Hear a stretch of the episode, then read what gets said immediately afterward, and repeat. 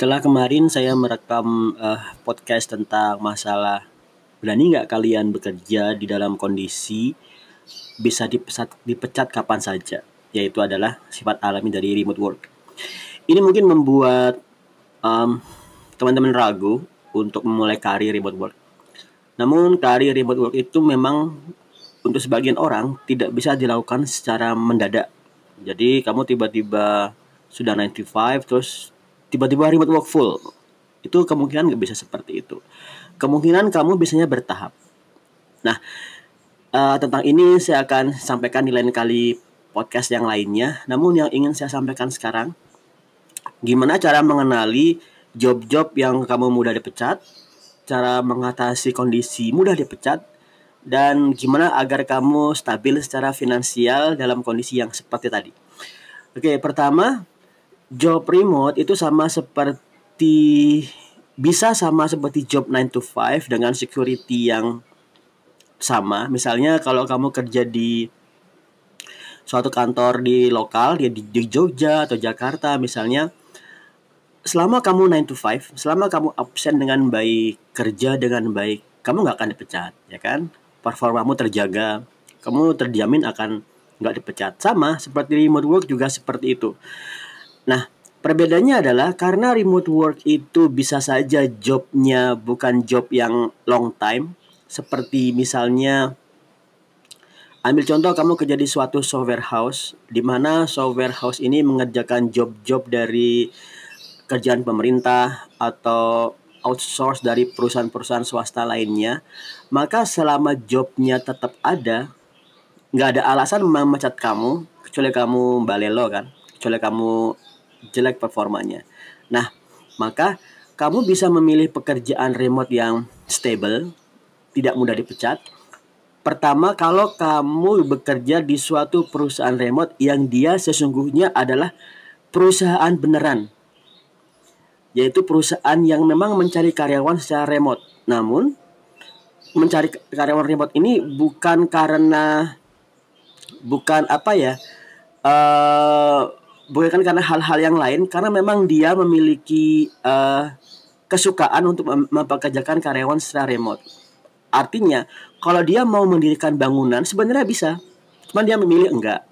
Nah, ini kamu akan stable. Contohnya perusahaan-perusahaan yang saya kerja, dua kali saya kerja di perusahaan yang full time remote selama tahunan.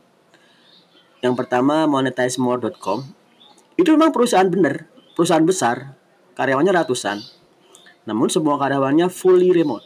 Nah ini kamu kalau kamu stab, kalau kamu memang nggak pengen keluar, kamu nggak akan keluar. Saya juga kemarin itu di sana empat tahun dan ya kalau saya nggak minta keluar nggak akan keluar karena memang uh, itu memang perusahaan yang jalur masuknya pun panjang ada testing tiga kali ada komunikasi interview dengan HRD begitu masuk ada onboarding proses dan lain sebagainya Nah, itu jenis pekerjaan yang kalau kamu sudah lolos pertama kali interview dan tes, kamu akan bisa tahunan di sana selama kamu nggak bosan dan selama kamu nggak performanya turun serta nggak minta keluar.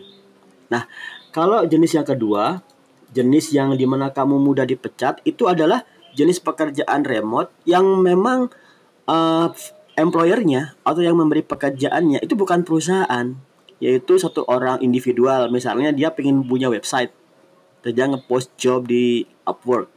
Kamu kerjain. Ya tiba-tiba misalnya dia eh sorry ya kayaknya aku nggak ngelanjutin programnya. Ya sudah dipecat aja selesai kerjaannya. Nah ini jangan. Ini kamu akan uh, akan bisa berhenti kapan saja. Karena dia bukan perusahaan bukan dia. Dia bukan berjalan di atas suatu sistem bisnis yang sudah terdefine dia sedang coba-coba atau sekedar sekedar misalnya ya ayah rumahan lah pengen punya bisnis pengen punya website tapi nggak tahu IT jangan langsung ngelempar job di Upwork dan kamu ngambil ya ini dia akan bisa kapan saja menghentikan pekerjaannya.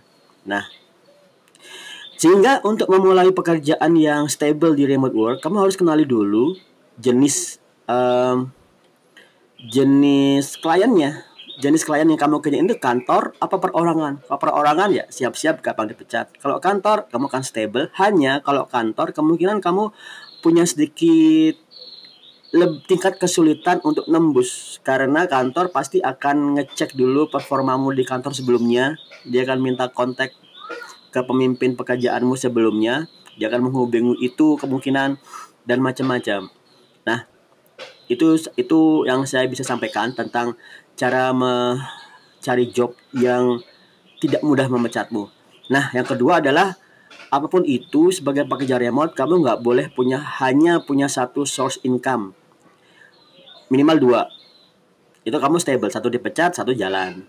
Nah satu lagi sih masalah tabungan dan investasi. Tapi ini bukan hal yang bisa saya sampaikan karena saya sendiri bukan uh, bukan jenis uh, investor yang paham masalah forex misalnya atau saham reksadana dan lain sebagainya.